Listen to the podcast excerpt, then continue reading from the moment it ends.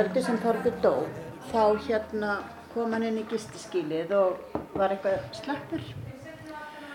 Og um, þeir gaf hann um að borða og fannst hann eitthvað, þeim fannst hann vera eitthvað svona öðri sem hann var annur að vera. Og áður hann fór hann í rúm, þá baða hann um faðmlag. Baða hann um erði faðmaður. Það var hann svo hann vissi hvað myndi gerast.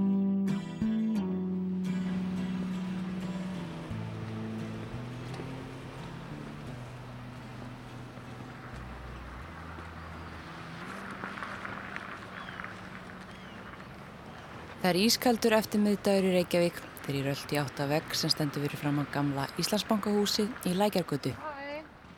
Það er búið að reysa vegg með snögum á þar sem hægt er að hengja plíjan klæðnað sem ætlaður er heimilslösum. Það er ég að fara að hitta konuna sem stendur á baki vegnum, Guðrúnu Haugstóttur Smith, eða Gurru eins og hún er jafnum köllið. Þetta er slatti. Já. Og svo eru við með skiltið þarna uppi. Já.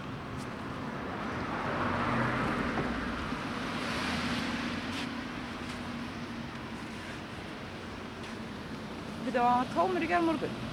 Nánast. Já. Já. En er það fólk búið að vera að koma að ná Já. í? Fólk hefur bara, já, mjög margir búin að vera að því að það voru sko þrýr svona svartur istapokar og sko veggunum var alveg húfullur. Þetta er að virka. Já.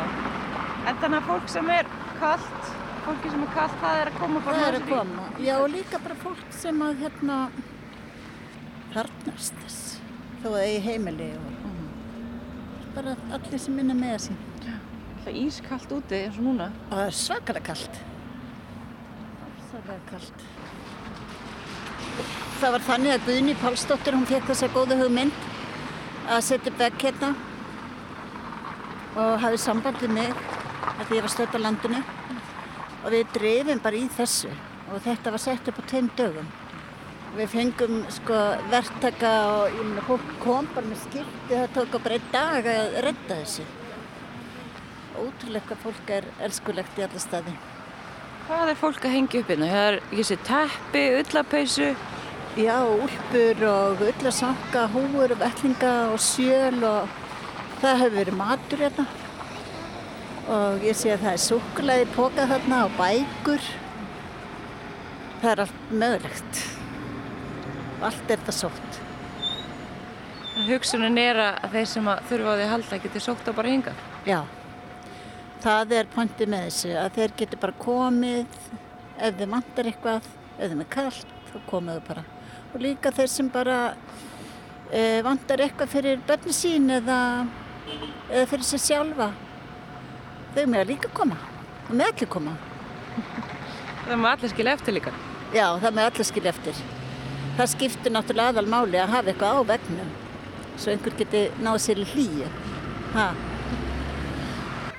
Við erum svo hérna, velmöguð í Ísland, á Íslandi við eigum ekki að þurfa að hafa fólk á gödunni. Það á enginn að vera á gödunni hérna. 350.000 mann sem búa hérna og kannski 200 mann sem hafa ekki húsaskjól. Þetta er náttúrulega bara skammalegt. Þetta þarf bara að gera eitthvað við og bara strax. Gurra þekkir það að vera heimilislaus, ekki að því hún hefur verið það sjálf, heldur að því að sonur hennar, Þorbjörn Haugur Liljason, var það í mörg ár. Hann var einn af þeim sem við sjáum í miðbænum, til er það hópu utakarsfólks, fólk sem í flestum tilfellum glými við fík og hverki fasta búsetu. Það fær inn í úrræðum á vegum borgarinnar yfir blánóttina, en stundum er fullt þar og þá getur það neðist til að sofa úti. Og það hafi mitt aldrei fleiri talist til hóps heimilislausra en nú, um 350 einstaklingar. Og þar til rétt fyrir jól var Þorbjörn sonurinnar einn af þeim. Þorbjörn hafi verið á götunni nokkur ár en glýmt við fík lengi. Einu sinni var hann hins vega bara lítill drengur með vonur og þrár. En einhver störu leiðinni mist hann fótana, rétt eins og flestir þeir sem við sjáum bregða fyrir vafrandum götur borgarinnar í mismunandi ástandi og á baki flestum eru aðstandendur sem sirkja það sem var og það sem hefði getað orðið.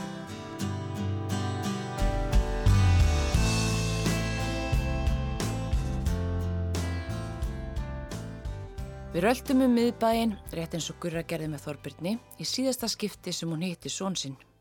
Tíu dögum áður hann dó. Hún er búsett í Damörku og var í heimsóknarlandinu þegar hún hitti són sinn í síðasta sinn. Nú eru komin inn á Östuöll. Já, Hér var hann oft. hérna var hann oft. Hérna bekkjónum, hérna hinum einn. Þetta var staðurinn að svo sumrin. Og þennan síðasta dag sem þið áttuð saman, þá Já. varst að labba með honum um bæinn. Já. Og hann sagði við þig að hann hefði sofið eitthvað til múin á bekkjunum minni. Já, já. Hann hafði sofið eiginlega öllum bekkjum hérna í miðbænum. Bekkjana hérna og á Ingolstorgi og hljómskálagarðinum. Þetta voru, voru staðirnir hans og það var svo skrítið þegar hann er að segja mig frá því þá eiginlega bara svona hugsaði ég já, ég get ekki, ég get eiginlega ekki verið já, hvað ég segja, leiði yfir því eða sorgmætti yfir því að því að það er ekkert annað í bóði fyrir hann. Þetta var bara í bóði. Að liggja bekk. Ég fór nýra á lögaveðun daginn og þar var eldri maður sem láð þar á bekk bara sofandi. Hann var pottið teimilislegs, bara sáði á honum. Þetta er svo sorglegt. Og var hann þá, þá svaf hann á þessum bekkjum þegar hann fekk ekki pláss í gistaskilinu. Já. Þá sá hann hérna úti. Við færum okkur inn á stað við Östuvöll, stað sem allir landsmenn ættu nú að þekkja eftir klustusmálu svokallega. Við fáum okkur sæti á barnum klustri. Það er viðeigandi að vera með upptökutöki hér og Gurra segja mig frá síni sínum. Um, við hittumst þarna tíu dögum áður e, þegar ég var hérna á Íslandi. Ég var nýfarin út svo þegar hann, hann deyr sko. En við höfum hist hérna á hennar góða dag saman sem að sem að gefa mér rosalega mikið. Ég veit ekki hvernig ég hefði orðið ef að ég hefði ekki haft hennar tíma með honum. Ég held að söknun er náttúrulega gífilega mikill og, og sorgin. En ég held að ég held að ég hefði aldrei bara einhvern veginn bara náð mér. Ég er svo oft búin að hugsa þetta ef ég hefði ekki átt hennar tíma með honum. Svona kærleikur og, og uh, indislegt samtal. Þorbjörn var uh, óskaplega skemmtilega drengur. Mikill húmoristi mikill leikur í honum hann var kærleiksríkur skemmtilegur. Hann um, ólst upp að í Keflavík og, og Kópói mm, og 92 þegar, Þorbjörn er, um, hann, hann var mikið á mótihjólum og hann var einn af þeim sem tekið mótihjólu sundur og setta saman aftur og það var ekki einn skrú afgang sko. Hann var ótrúlegur og allir í svona fínreyfingum var hann alveg snillingur sko. Um, Þorbjörn var svona, um, hann var, uh, ef eitthvað kom upp eins og til dæmis þegar uh, breykið var á sínum tíma, þá var hann náttúrulega alltaf út að breyka sko. Og góður í þessu, þá fór hann bara í teppabúð í Keflavík og baðum að fá einhver dúk eða teppið eitthvað sem hann geti sett bara út á götuhotn og svo var hann þar bara að breyka. Hann var svona skemmtilegur. Um, já, óskup indal drengur. Hvernig var hann fættur? Hann var fættur 1972, 29. júni. Og fyr- Fyrsta barnið þitt. Fyrsta barni mitt, já. Það var ég ung, ég var bara 17 ára. Fannst ég var alveg tilbúin í þetta. Vera mamma. Ha, svo segir barnabettin mín 18 ára og þau eru náttúrulega ekki að spá í þetta, sko. Já, svo elst hann upp semst í setni tíminn var Kópavóður og þar er hann bara í skóla og um, hann fór í yðnskólan í Hafnafyrði, þar uh, byrjaði hann í bifiliverkjum, svo flosnaði hann upp úr því. Um, svo lendir hann í skelvelegu slísi 92, miklu móti hjólaslísi. Hann var á leið í vinnu, var að vinna er klukkan tvö að degi. Og hann er sem sagt að, uh, á móti hjólunu er að fara upp brekku og er á afturdekkinu. Eins og hann var svo oft. Og náttúrulega bara með sín upp í heiminn það kemur valdrari frá eh, hlýðargötu og hann keirir á valdran og slasast ofbóðslega mikið Fekk 15 opinn beinbrott og skattast á heila og óbóðslega slaslaður. Hann er flyttur á sjúkrahús og er þar í nánast ár með sko hérna e, með því að vera á Grensás og svo fór hann á Reykjalund og svona flakkaði svolítið þar á milli. Þeir held að hann geti ekki talað, myndi ekki geta talað, hann náttúrulega talaði. Þeir held að geti ekki lappað, hann lappaði. Þeir held að hann geti ekki hlaupið og hann hljóp, það, það stoppaði hann ekkert. Hann var svona mm, kraftmikill og, og ákveðin drengur, hann ætlaði. Hann ætlaði en samt var allt breytt eftir slesið. Eftir þetta þá fór svolítið að halla niður á hjá hann. Þá hann var náttúrulega óbúslega sterkum lífjum inn á spítalanum og í heilt ár og meira. Hann var á þeim eftir að hann kom heim og svo þegar þessi lifur tekinn af hann þá vantar hann eitthvað og fer náttúrulega bara að sækja sér það út í bæ. Og þarna á þessum tímapunkti þá, þá bara er hann kominn fljótlega bara í eitthulif og þarna er hann inn og út úr uh, meðferðum, hann var mjög oft í meðferð, inn og út úr meðferðum og fangilsum og svona daburt, daburt líf. Það þurfti að fjármagna neistuna og það gerði hann ofta á ólöglegan hátt. Ég held að allir fara út í það sem að er í, í eitulífanislu. Þeir, þeir hérna síast einskis, hvers að svona minn eða einhver annar. Þeir eru ekkert þeir sjálfur þegar þeir eru í nýslu. Þeir eru bara í allt örum heimi og, og það er annars að keiri það áfram en, en, en þessi hérna þarbjörn minn sem að var sko. Þannig að já, já, hann var í öllu, öllu þessu. Það blundaði þó alltaf í Þorbirni að koma sér á beinu brautina. Hann var í sambandum tíma, egnaði stóttur sem í dag er 11 ára og hann náði eitt skipti að halda sér frá výmöfnum í nokkuð tíma. Það var eins og verið erfiðara og erfiðara að slíta sér frá þessum heimi. Því lengur sem að dvelur í honum verður fólk meiri hluta á honum og minni hluti af einu vennjulega samfélagi sem við flest lifum í. Og það eru fá úrræði sem henda fólki sem hefur svo lengi neyslu en inn á milli áttan þó sín góðu tímabill.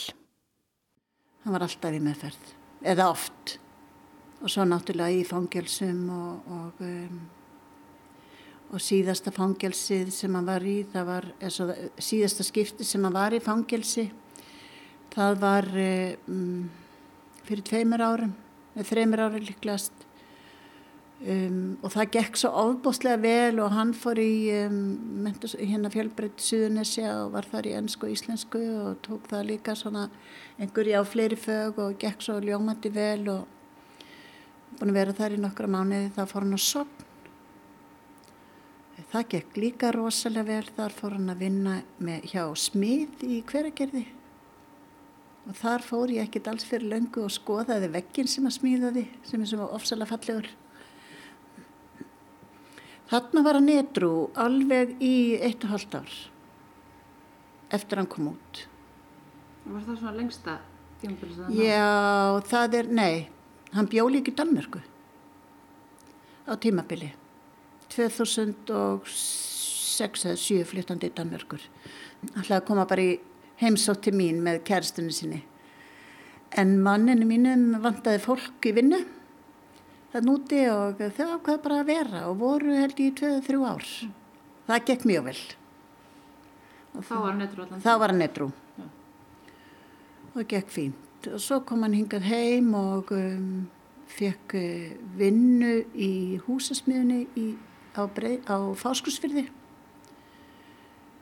Um, langaði svo að fara í hérna virkunina sem er þarna og sækjur um vinnu þar uh, og fekk já og segir upp vinnunni í um, húsasmiðunni sem hann var svo sem ánaði með en hann langaði að fara hinn staðin.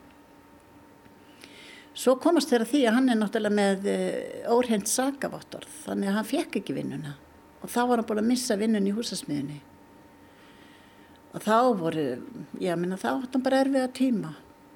Þá fór þetta allt niður við á, á aftur og, og þá flutt hann hérna til e, Reykjavíkur. Og þar lendur hann bara á göttunni. og hann er búin að vera meira og minna á göttunni síðan.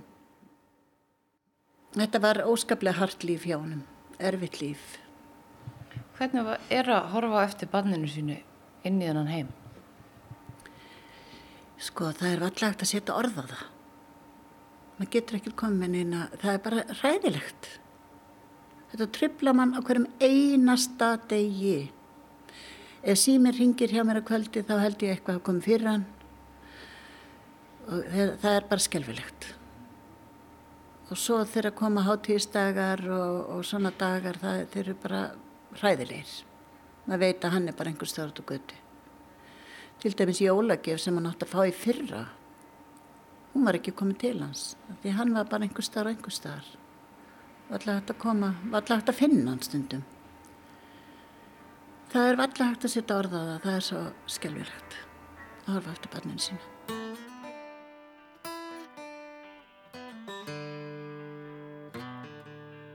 Hann bjó bara hérna á göttunni Hann var, eins og ég sagði á hann, hann var mikið á mótihjóli og meðan hann var þarna edru, þetta einu og halva ár, að þá hérna hitti hann oft, þá var ég að koma oft til Íslands og þá hittist við kaffi og, og svona, og hann kom, hann hafði alltaf fasta rútínu, hann kom sko til sýsti sinna sem að bakar í, svo kom til sýsti sinna sem að býri hérna í Kópói, nei í Reykjavík og hann hafði svona rútínu og svo kom hann til pappa sinns, þetta var svona, þetta var kannski tvist að þessu dag. Þú fór bara á milli? Já, hann fór bara á milli. Já. Það er náttúrulega fyrir, hann stoppaði aldrei lengi því þegar fólk er búið að vera svona lengi út á götu og lengi í burtu frá þeim sem er ekki í neinum efnum og bara vennilegt fólk, þá er ekkert svo auðvelt að vera í samskiptum það er eins og maður nái ekki kontakt. Og það, við ræðum öðru sér hluti. Við ræðum, við, við hugsaum öðruvísi. Það er kannski oft svona kannski eitthvað svona félagslegur þróskir sem að bara staðunar ert inn í þessum heimi. Já, já, hann hefur staðna bara um 25 ára aldur. Hann, hann þróskaðist lítið eftir það. Og svo var hann náttúrulega skattar á heila. og félagsstöðin var, var, var sköttuð þannig að hann hafði ekki þessa, þessi eifni að, að geta verið saman með öðrum nema þá þeim sem voru kannski sýsturum sínum eða eitthvað svoleiðis eða mér. En um, öðrum þá það var ekki hægt, hann gata ekki. Fimm minútur þá var það búið. Þá þurfti hann að drífa sig. Er þetta fótur sér í venjulegu samfélagi? Já Já, það er bara í raunin ekki hægt. Þeir geta það ekki. Þess vegna segi ég alltaf að fólk sem er í þessum heimi og fólk sem hérna, hefur verið þar, það þarf að fá svo mikla aðstóð til þess að komast í meðferð. Og það er ekki hægt að ringja bara og segja það er löst núna. Þeir eru ekki þar. Þeir eru ekki að koma bara, ok, ég mæti klukkan 11 á morgun, fínt ég er alveg tilbúin, þeir eru ekki þar. Það þarf að sækja þá. Það þarf að keira þá upp yfir það þarf virkilega að vera í sambandi við þá. Og ég held að Vógur til dæmis var engi staður fyrir Þorbjörn. Hann var aldrei að fungera þar inni. Ég sá það alveg. Hann, en það er ekkit annað til hérna. Þannig að um, þetta er eitt af því sem þarf að skoða í helbriðskeran að finna, finna um, finna svona aðra löst fyrir þá sem að hafa verið svona lengi í, eitulugum. Sumir geta þetta kannski, en meira hlutin getur þetta ekki. E, og annað, þegar þeir koma úr meðferð, þá er náttúrulega e, eitthvað sem heitir, e, þeir geta farið áframhaldi á vík og, og svona, Þa, það er ekki nóg fyrir þennan hóp.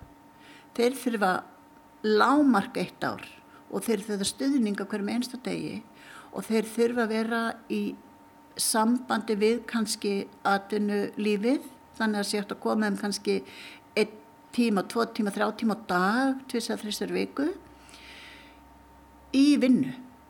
Þannig að þeir æfist í því að koma aftur til samfélagsins. Þeir eru á allt, allt öðrum staðin við. Það er svo langt í það að þeir komi til okkar Þannig að þetta er hlutur sem þarf virkilega að skoða og ég hef áhuga á að virkilega áhuga að fylgja því eftir.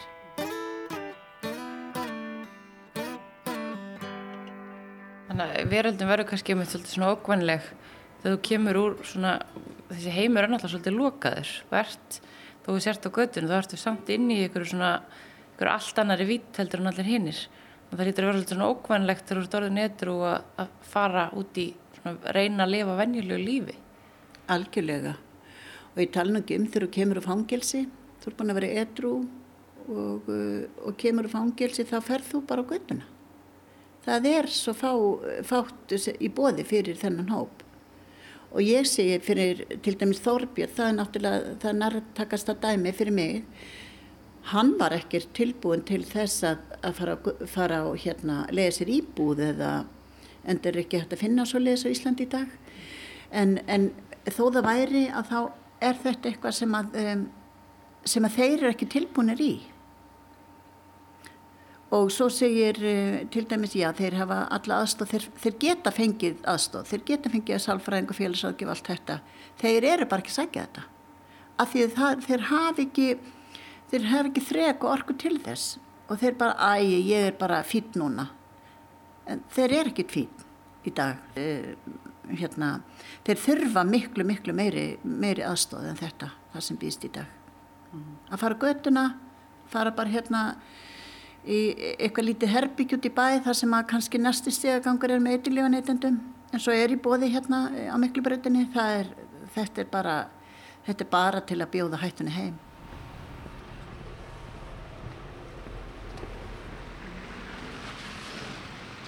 Bærin var svona hans staður. Bærin var hans staður. Hann eh, það var hérna bara miðbærin aðalega Ingolstorg á sumrin þegar það var hlýtt og svo gott veður. Þá voru þeir hérna á þá voru þeir hérna í gardinu og hér hafði hann hitt eh, sýstu sína svona mánuð áður en ég hitt hann. Og þau áttu endislega stund hérna saman Hans tegum aldrei erfitt að bróður er að væri í þessari stuðu? Jú. Þetta er náttúrulega búið að hérna e, vera skelvilegt fyrir alla fjölskylduna bara öll þessi ár. Og maður var einhvern veginn alltaf að svo hlættur um að þetta fær að gerast núna sko. Nú fær eitthvað að gerast fyrir hann og nú fær eitthvað að gerast fyrir hann. Kom kaldur vetur og hann var úti og ég vissi náttúrulega ekki hvað hann var oft tíðum. Svo þegar kom að hann símtalið að hann var í dáin þá var maður náttúrulega ekki tilbúin maður er aldrei tilbúin Jú, þetta lagðist þúnt á alla fjölskylduna. Mjög þúnt Þegar maður hlýtur líka alltaf einhvern veginn að eigi ykkur á vonum að, að, að muni komast á beinubröðinu. Já, ég hérna hef alltaf verið í þeirri von og aldrei hugsað daginn öðruvísi. Ég hugsa alltaf, já nú fer eitthvað að gerast hjá hann, nú fer hann, að, nú fer hann í meðferð og nú, nú er hann komin í meðferð, nú fer eitthvað að gerast, nú er hann ákveðin. En eins og ég segi, það er hérna, það er ekki þeir sem ráða ferðinni, það þarf einhverja aðstöðu, aðstöðu allaleið og það er það sem vantar hérna á Íslandi.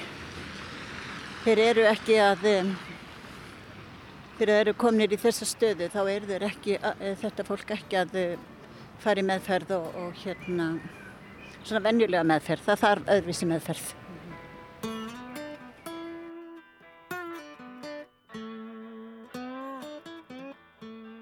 En í gegnum öll þessi ár sem hann er í nýslu, hafður alltaf samband við hann, varst alltaf vissur af honum eða hvernig heldur maður sambandi við eitthvað sem er á svona stað? Já, ég var oftast í sambandi við hann. Hann var, átti nú yfirlt síma og um, þá geti hringt í hann. Ég var oftast í sambandi við hann. En svona setni tíman þá átti hann ekkert alltaf síma. Hann, en hann keipti þessi síman hver mánuðamót. Og ég segi, hvað gerir þess að síma? Já, það er svo mikið ungum krökkum og þau náttúrulega er ekki inn einu samband og ekki síma. Og ég gef þeim að bara, svona var hann. Þetta var alveg típist Þorbjörn að, að, hérna, gera betur fyrir náungan. Jú, ég var oftast í sambandi en ef ég heyrði ekki um hann lengi þá ringdi ég aftur í laurugluna, svona fyrir nokkrum árum þá gæti ég hringt í laurugluna og ég hafði einn eða tvo innan laurugluna sem voru mér svo hlýðhóllir og, og lítið mig vita ef, ef þið sæjan eða eitthvað svo leiðis. Þannig að oftast frétti ég af hann. Og svo náttúrulega bara margi þekktan og ég gæti kannski frétti gegnum dætu mínar að vinkunu þeirra hefði séð eða vinir og vandamenn. Þetta var svo leiðis. Þorbjörn hætti í eitthulum fyrir þó nokkur síðan og var komin bara í, e, í vín, bjór og, og svo leiðis. Og hann róaðist mikið við það. Þarna var hann komin í heim, sko, allt annan heim. Þeir voru einmitt að lána hverjum öðrum pening, hann er Ingolstorki og ég segi, já, hvað gaman að sjá að þið séu að retta hverjum öðrum. Já, ég, við getum líka alveg stólað á það að þeir borgi. En í hinum heimnum, þar sem eru eitthilífa neytendur, það er ekkert svona sko. Það er engin að stóla á neitt. Ef þú átt eitthvað í vasana þá reynir hinn bara náði af þér. Þannig að þetta eru tveir ólíkir heimar. Gurra rifir upp daginn með Þorbirni rétt að hann lést. Við, eh, eins og ég segði, við fórum, byrjuðum að fara í ríkið og, og hérna ná í bjórin og svo kerði við um bæin og hann síndi mér þá staðir sem hann hefði sofið. Það var þá aðalega hérna nýra á Ingolstorki og, eh, og um, Östuvelli á og uh, þeir hafa líka verið uh, kirkjugörðum en hann sagðist nú ekki hafa verið þar neitt. Engu tíma var hann í kellaran yfir ráðhúsið sofið, þar. Já, við gengum með bæin og vorum að skoða, skoða svona hvað, hvað hann hefði verið og hann var að sína mér svona hvernig hans dagur er. En þegar við vorum komin svolítið hérna út af bænum, við fórum í Kópov og hafna fyrir þá sér hann, vá, svo langt séðan ég hef kyrt í bíl. Þú veist, okkur finnst það sjálfsagt bara að setjast upp í bílinn og keira og kannski margi bílar á heimili og vá, þetta var fyrir honum bara luxus sko að fara út að keira eh, ég var með badnabatni mitt með mér þennan dag yngsta badnabatni mitt og hann var aftur í bílnum og svaf og ég gleyma að segja hann að hann er í bílnum að því við vorum svo strax farin að spjalla svo mikið. Og svo heyrist eitthvað þarna aftur og ég sé eftir vaknaður Lilja Smári? Þá segir hann ha, er einhver í aftursætunu stoppaðu, stoppaðu, stoppaðu og hann, ég stoppaði bílinn og hann fór aftur og segi ég, ég, hef aldrei séð hann. Er þetta litli frandi minn? Og heitir hann Liljar. Alveg svo pappan sko. Og þarna kom, var svo mikið kærleikur í þessu. Og hann tók alveg utan um hann og knúsaði hann og bara vá er þetta litli frandi minn? Hann var svo hladur og hann var svo hann var svo hrifin að bönnum alltaf Nefn að við keirum áfram og, og við keirum í Hafnafjörð og keirum skoðum húsin sem við erum búin að búa í Kópavóginum og við vorum að rifja bara upp eh, góðar minningar. Þarna gerist þetta og þarna gerist þetta og keirum fram í skólanum hans og þetta var óskaplega góður dagur og það var svo mikið kærleikur millokkar og hann var að segja mig frá ímsu eh, sem hann eh, var að væri að takast á við núna til dæmis bara það þegar hann var í niðurtúrnum eftir eitur lifi inn og, og þetta. En hann náði sér út úr söllu og við töluðum um dauðan Þorbjörn hefur dáið tvísvar og hann hefur hann sagði ég er ekki hættur við að deyja. Það er, það er svo fallegt þarna. Hann dó uh, uh, eftir mótihjólaslýsið og svo dó hann inn á vogi einu sinni og var lífgæð við. Og í bæði skiptin sá hann ljósið, bjarta ljósið sem að verist vera þarna. Og hann sagði að það væri svo gott að vera þarna. Nefna það að hann vildi ekki fara tilbaka aftur í setnaskiptið. Og þá segir hann einhver við hann, hinnum einn, það er þinn tími er ekki komin. Þannig að hann kom tilbaka. En hann vildi ekki endilega koma tilbaka. Minningin um þennan dag hefur illjaðin í sorginni. Mér finnst það svo dásanlegt. Ég hugsa um hennan dag okkur með einasta degi. Og hvað þetta var svona ennþá meiri kærleikur að mittlokkar en hafði nokkuð tíma verið fyrr. Það er eins og við værum bara tengjast, einhvern veginn, tengjast svo tröstum böndum. Svona var allir þessi dagur hjá okkur. Hann var svo dásamlegur. Og þegar við kvöttumst, þá var eins og, vildum einhvern veginn ekki sleppa takkinu. Við vorum svona bæði.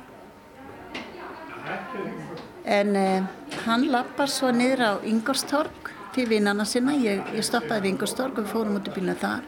Svo lappar hann niður tröppurnar til vinna sinna. Og ég hugsaði bara, vá, hann er svo gaman maður þegar hann lappar alltaf niður. Hann var svona síin í aukslunum og svona eh, er, erfitt fyrir hann að lappa alltaf niður.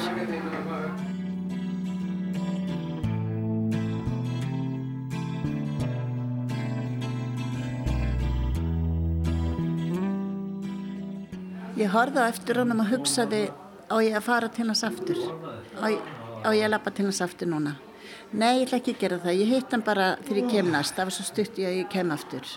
Ég þurfti líka að fara að fund þennan dag þannig að það var ekki bóði eiginlega fyrir mig. En ég hugsaði það. Á ég ekki bara sækja hann aftur?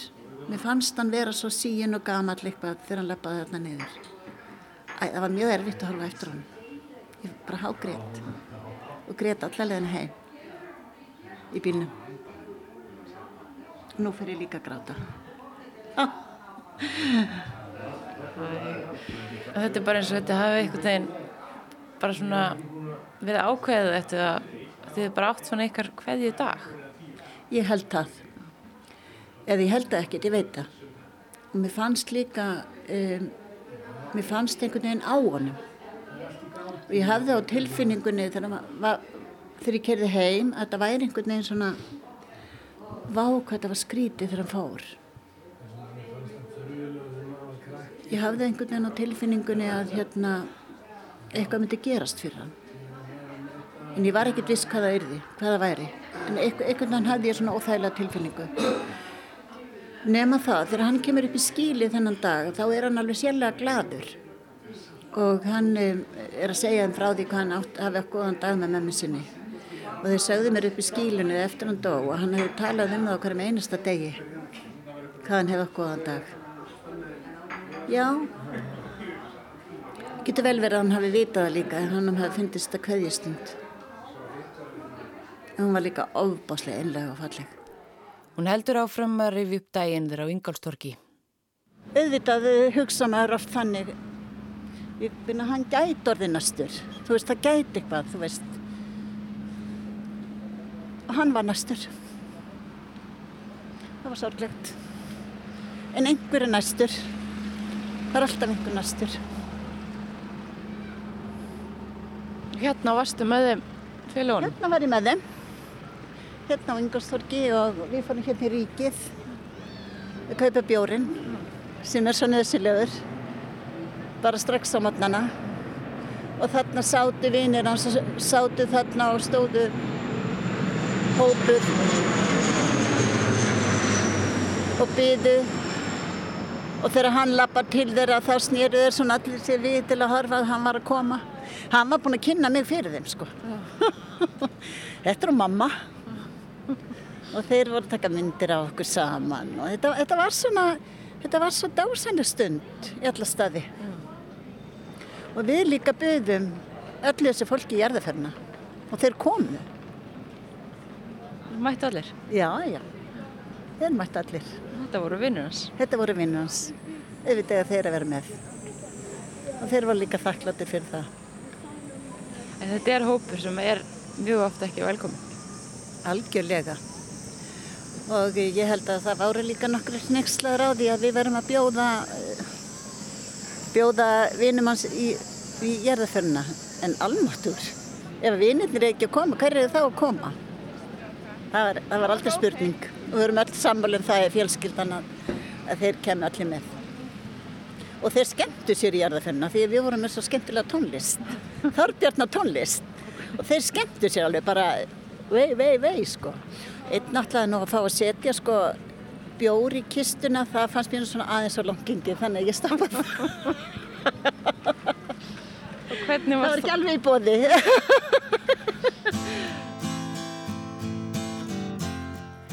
Og í jarðaförinni var spilið músik eftir uppáhalds tónlistamenn Þorbjarnar. Bubi Mortens, Metallica og Pink Floyd voru uppáhaldi hjá honum.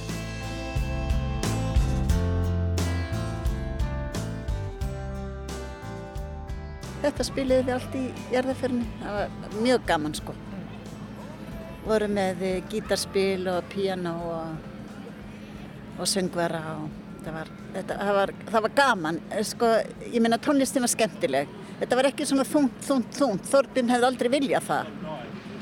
Hann hefði bara viljað hafa þetta svona skemmtilegt. Kvötuða með stæl. Já, við hann með stæl. Algjörlega. En það komið þarna hátt í 400 manns í kirkjunum. Já, Það er ekkert smá. það var ekkert smá. Þú stóðst þar oft og starðir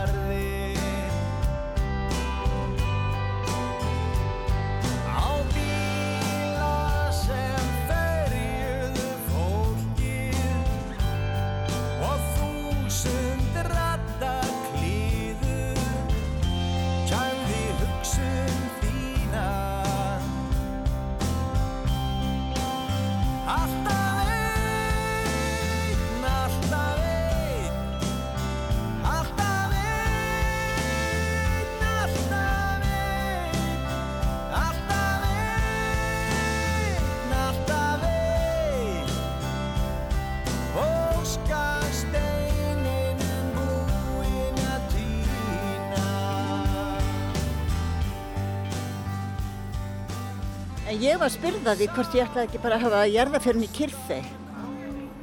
Af því hann bjó á göttunni. En það kom aldrei til greina. Og, um, og þetta með að um, ekki tala um hlutina og spyrja mikið um hann og svona af því þau voru svo hrættum að það var eitthvað erfitt sko eða mér þætti eitthvað erfitt. Mér fannst þetta ásimlegt þegar fólk spurði mig um hann. Mér fannst það sína bara hlýju og vildi vita hvernig hann liði. Já, ég hef mjög oft fundið fyrir fórnamum og það hafa dætu mína líka. Badnimanns er alltaf badnimanns. Algjörlega og hérna það er ekkert sem heyri, heitir sko að maður muni ekki eftir í þá að búa á göttunni. Þú kveður alveg jafn, með jafn miklu sökniði barni sem bjá á göttun og barni sem er alltaf með þér. Það er engin, engin munur þar á. Þetta er alltaf sorglegt. Oft hugsa ég bara, er hann virkilega dáinn? Mér finnst stundum eins og þetta sé bara allt eitthvað, leikrit eða, þú veist, er hann dáinn bara, þú veist, stundum fer maður inn í, inn í stundum sé ég eitthvað í búðaklukka og svona eina sekundu sé ég, já, þetta verður fallegt á hann. Eða eina sekundu finnst mér ég geta hringt í hann. En það verður steltur ekki verið búði. Þannig að þetta er svona, maður ennþá að, eh, ennþá meðan svolítið hjá sér. eins og sé ekki alveg farin að eilifu. Þar sem englarnir syngja, sefur þú, sefur í djúpinu væra. Við hinn sem lifum, lifum í trú, að ljósið bjarta skæra. Veki þig með sólamorni, veki þig með sólamorni.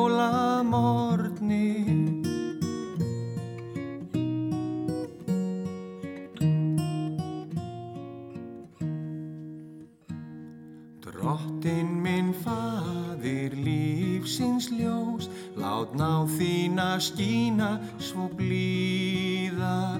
Minn styrkur þú ert, minn lífsins rós, takk burt minn myrka kvíða. Þú vekur hann með sólamorni, þú vekur hann með sólamorni. Þennan dag sem þið voruð að rölda saman, Já. þá, ég var hann að segja svolítið frá, er það ekki, þeim aðstæðum sem að heimilisleysir búa við og þú eftir þetta spjall þá svona svolítið fóstu settur ekki inn einhverju stöðufæslu á Facebook þar sem að hérna, þú fórst svona kalla eftir því að, að það er þið hugsa betur um hennan hóp. Já. Þá hérna hugsaði ég bara þannig, ég menna ef að einhver getur, ef maður getur gert eitthvað, gerða það þá. Þannig að um, ég ákvaði að setja stöðufæsla Facebook og hún bara verður svo eldur en sínu alla medíuna í gegnum og, og hérna og þetta var svona eitthvað sem að mér finnst allavega að hafa opnað umræðina núna, allavega finnst mér allt vera miklu opnara. Til dæmis bara núna var verið að bjóða eh, þeim í gistiskílunu í ferð á jóladag eða annan í jólum. Það fyrir þeir eitthvað austur að skóa og í mat og fínheit. Þess að þetta hefur aldrei gerst. Ég vona að þetta sé eitthvað sem að er að koma til að vera og sé, þetta hafi opnað þessa umræðu. Mér finnst allavega sko, e, fólk kom alveg bara faðmandi þú veist, hvað getur við gert? Hvað getur við hjálpað með? Er eitthvað sem, er eitthvað sem, að, er eitthvað sem við getum gert til að, til að hjálpa? En það er bara svo lítið vegna þess að það vantar húsnaði. Fyrst og fremst meðferðar aðstöðu og húsnaði. Það, já, svo settum við upp hennan vegg sem að hérna er svo skemmtilegur og, og við erum bæði búin að fá peninga eh, aðstóð sem við ætlum að nota í nýjan vegg sem að ég vona að borginn gefa okkur og um, Við erum búin að fá allt mögulegt frá fyrirtækjum og skildi og ég veit ekki hvað og hvað og hvað. Það er bara allir sem vilja hjálpa. Fólk um allt land.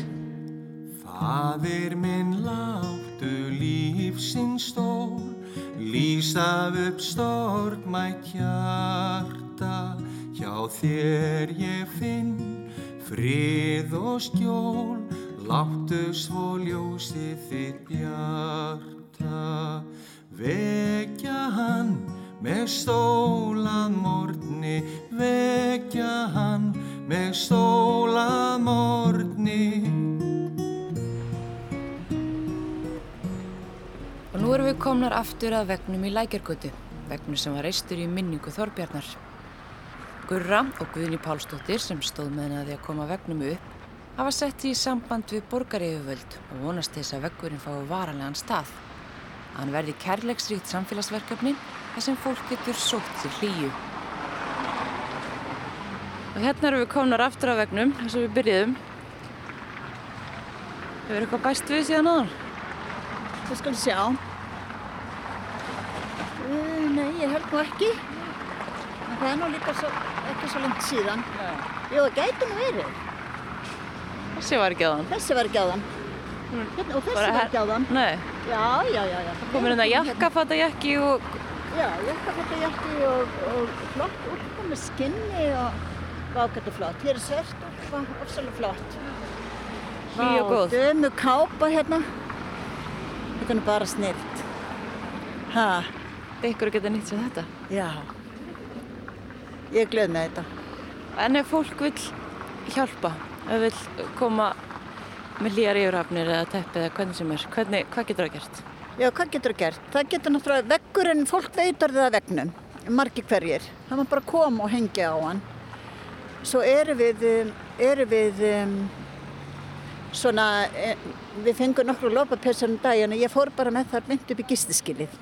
Því mér fannst það er svona, mér fannst það er svona, hérna, já, ég fór bara með það mynd upp í þér og það var alveg þörf fyrir það sko þar.